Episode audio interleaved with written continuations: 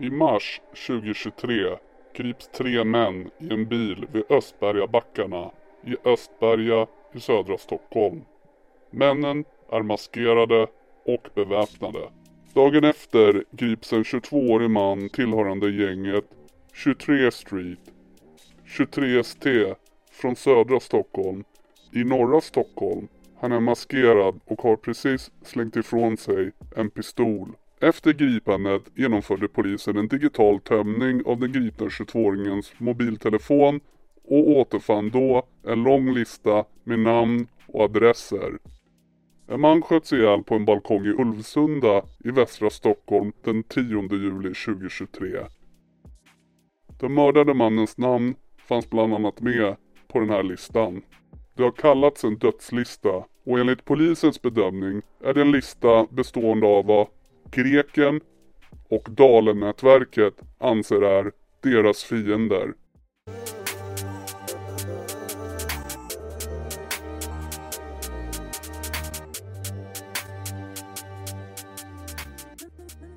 Flera av namnen kopplas till Foxtrot-nätverket eller andra nätverk som stöttat Kurdiska räven i konflikten. Sedan slutet av 2022 har en extremt våldsam och blodig konflikt uppstått mellan greken Dalen-nätverket på ena sidan och Kurdiska räven och Foxtrot-nätverket på den andra sidan.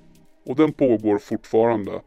Ena sidan i konflikten är centrerad kring nätverket Foxtrot vars kärna består av Kurdiska räven och hans förtrogna. Nätverkets brottslighet styrs från utlandet och består huvudsakligen i organisering av storskalig narkotikasmuggling till Sverige för vidare distribution till andra kriminella aktörer och nätverk.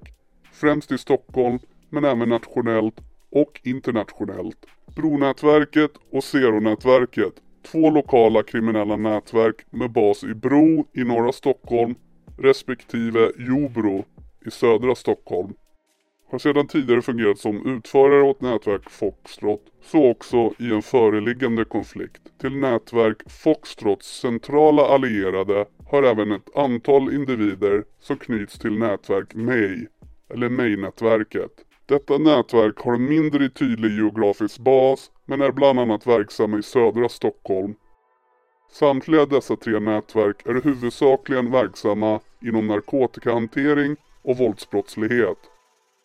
Den andra sidan i konflikten är centrerad kring Dalennätverket, som har sin bas i Enskededalen och närliggande områden i södra Stockholm. Nätverkets brottsliga verksamhet sträcker sig även till andra delar av landet, däribland Sundsvall. Flera tongivande och konfliktdrivande aktörer i nätverket befinner sig under längre perioder i utlandet och styr brottsligheten därifrån.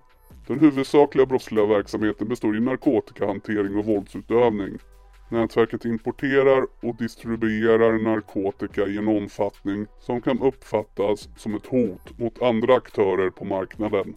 Däribland nätverk Foxtrot.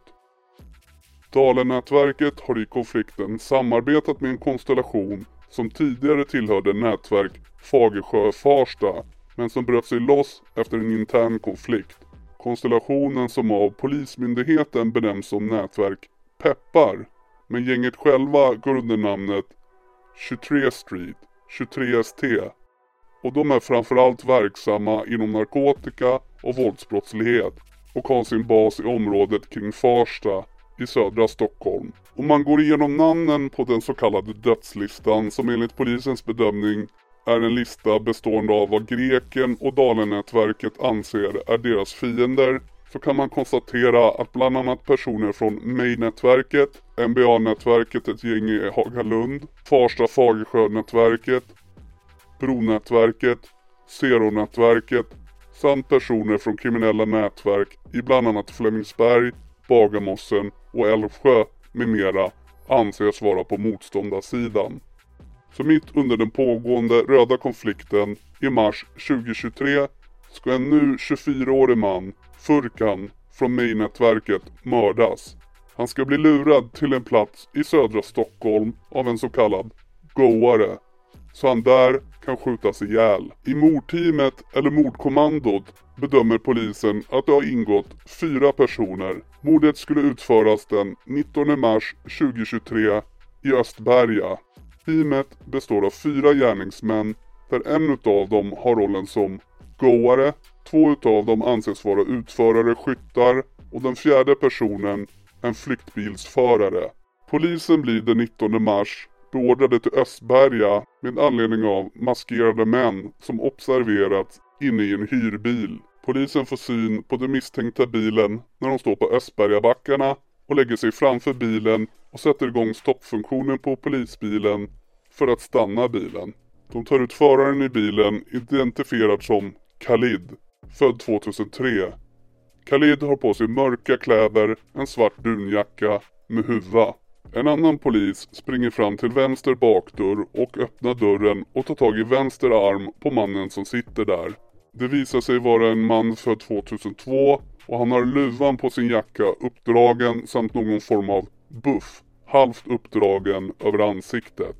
Samtliga kläder var svarta, mörka. Totalt hittas två vapen i bilen. I övrigt beskrivs händelseförloppet i detalj i förundersökningen. Tre unga gängkriminella från Linköping som inte har några personliga kopplingar den 24-åriga måltavlan ska ha fått i uppdrag att mörda honom.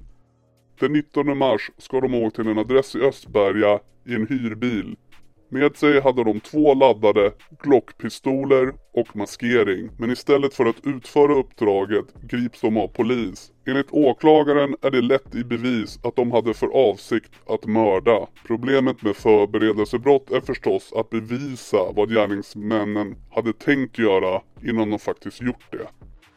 I uppgifterna framkom det att måltavlan Furkan skulle titta på en lägenhet i närheten av Östbergabackarna och på så sätt bli ditlurad av en påstådd lägenhetsuthyrare.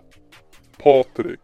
I samband med den händelsen greps tre beväpnade personer i närheten av den påstådda lägenheten dit måltavlan skulle. 24-åriga Furkan ska ha varit helt ovetande om det gripande som skedde den 19 mars. Han hade med kort varsel ställt in sina planer på att titta på lägenheten i Östberga. Däremot ska han ha varit mycket angelägen om att få tag i en lägenhet. Så när han fick ett erbjudande om en annan lägenhetsvisning från Patrik dagen därpå tackar han ja. Eftersom mordpatrullen från Linköping misslyckats och gripit ska man snabbt ha gett det nya uppdraget till två unga nätverkskriminella i Stockholm. Det så kallade 23 Street-gänget från Farsta i södra Stockholm. Furkan fick ett nytt erbjudande om en lägenhet i Bromma. Polisen följde Furkan från Fittja i riktning mot Bromma 20 mars. Vid Spångavägen, Bällstavägen vid klockan 19.15 stoppade polisen Furkans bil.